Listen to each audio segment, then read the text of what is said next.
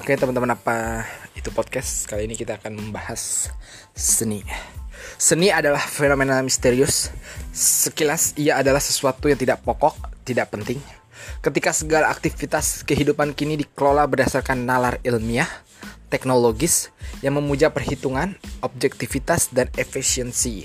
Seni memang terasa sebagai sesuatu yang trivial, suatu kesia-siaan, berlebihan, kegenitan, subjektivitas. Ketika kegiatan manusia kini dikuasai pencarian keuntungan ekonomi, seni sering kali bagai pemborosan demi tujuan yang tak bisa dimengerti.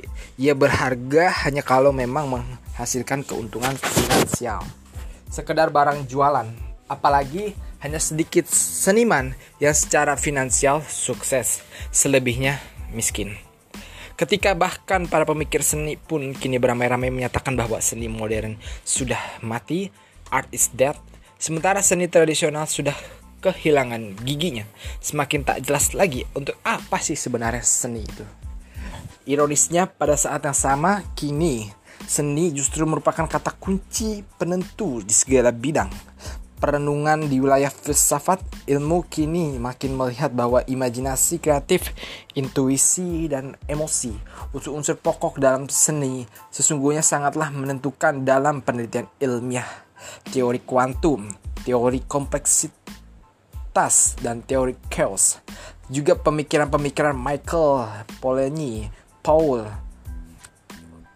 Ken Wilber, Roberto Maturana, adalah beberapa contoh perspektif yang menegaskan hal itu. Sedang di bidang ekonomi, dunia industri pun kini tak lagi berkutat menjual segala produk semata-mata berdasar fungsi dan efisiensi. Desain dan iklan pada produk-produk industri sering kali melalui riset yang panjang.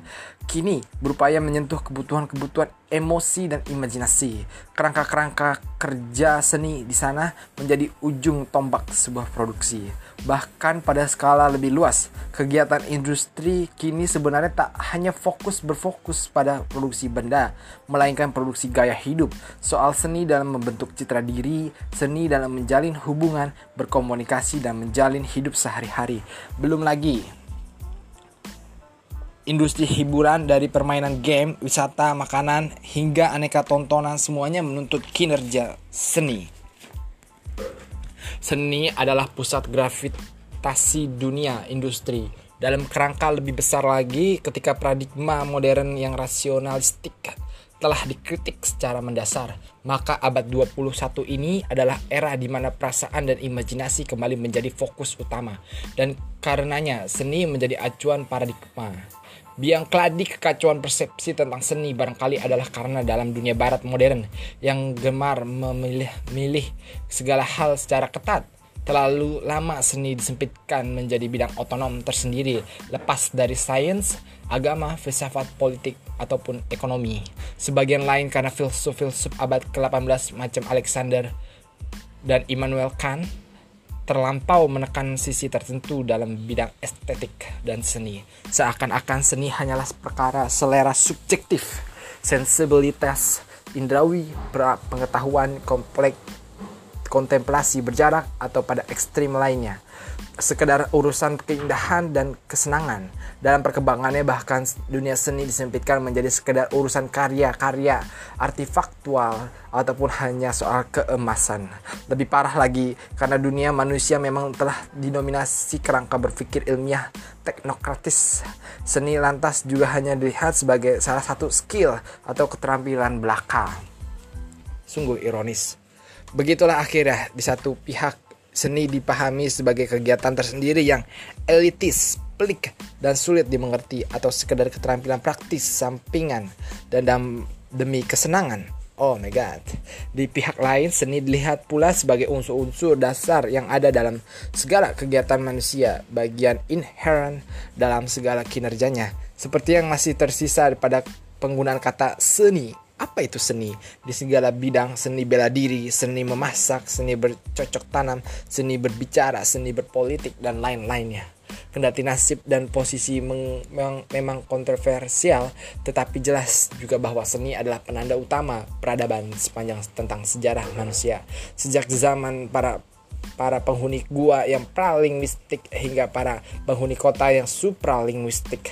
Karya-karya imajinatif lukisan di dinding gua, patung-patung stilistik prasejarah, bentuk-bentuk arsitektural yang fantastis, gubahan-gubahan musikal yang menakjubkan, hingga aneka mitos, cerita, dan drama yang mendorong manusia mencapai prestasi-prestasi akalinya yang tak terkira sampai saat ini. Semua itu adalah jejak-jejak unikan rasa dan imajinasi manusia dan menciptakan dunianya jejak sentralitas seni dalam per perjalanan peradaban manusia. Di situ terasa Seni memang bukanlah perkara sederhana. Ada sesuatu yang mendasar di sana.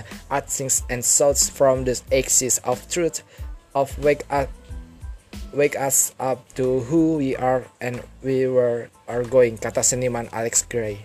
Sesungguhnya seni memang tidak akan pernah mati art is not death.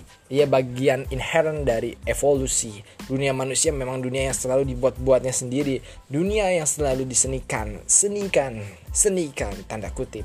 Yang terus-menerus diciptakan kembali. Manusia memang bukan makhluk alamiah murni.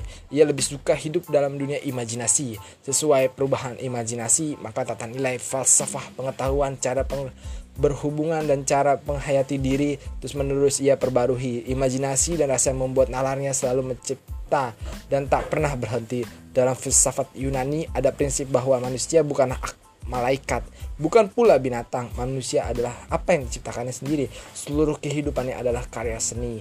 Pada titik ini kita memang berbicara tentang seni dalam arti luas. Kalau kita kaitkan pada konsep estetik maka di sini kita berbicara tentang estetika dalam arti atheist yang artinya athesis yang artinya persepsi yang dibentuk oleh sensibilitas seni dalam arti luas ini berakar pada kondisi manusia yang sensibilitasnya yang seluruh kepekaan indrawinya termasuk indera batinnya bagaikan membran penuh lubang yang menyerap dan menyeleksi segala kenyataan di luarnya menangkapnya sebagai hal yang menyenangkan atau bahkan menyedihkan, mempesona atau menjijikan. Semua pengalaman sensibilitas itu lantas mempengaruhi imajinasi dan pada gilirannya menciptakan persepsi baru terus menerus dan akhirnya mengubah dunia manusia kembali setiap kali. Sedangkan sedangkan seni dalam arti sempit adalah segala kegiatan yang secara khusus mempermainkan efek-efek sensibilitas dan persepsi itu pada tingkat paling tajamnya paling ekstrim sensasional dan spektakular. Dalam rupa-rupa benda seni, bunyi-bunyian, bisik-bisikan gerak-gerik tarian pertunjukan peristiwa teatrikal ataupun teks-teks sastra. Meminjam istilah dari filsuf Katya Mandoki. Seni dalam arti luas adalah seni yang prosaik. Seni dalam arti sempit adalah seni yang puitik. Berangkat dari ketegangan dan kontroversi di depan tadi lah kita akan membahas tentang apa itu seni. Dan ini baru introduksi dari seorang filsuf yang bisa kita katakan seorang filsuf dan seorang profesor dari Universitas Parahayangan. Jalah Profesor Bambang Sugiharto. Terima kasih.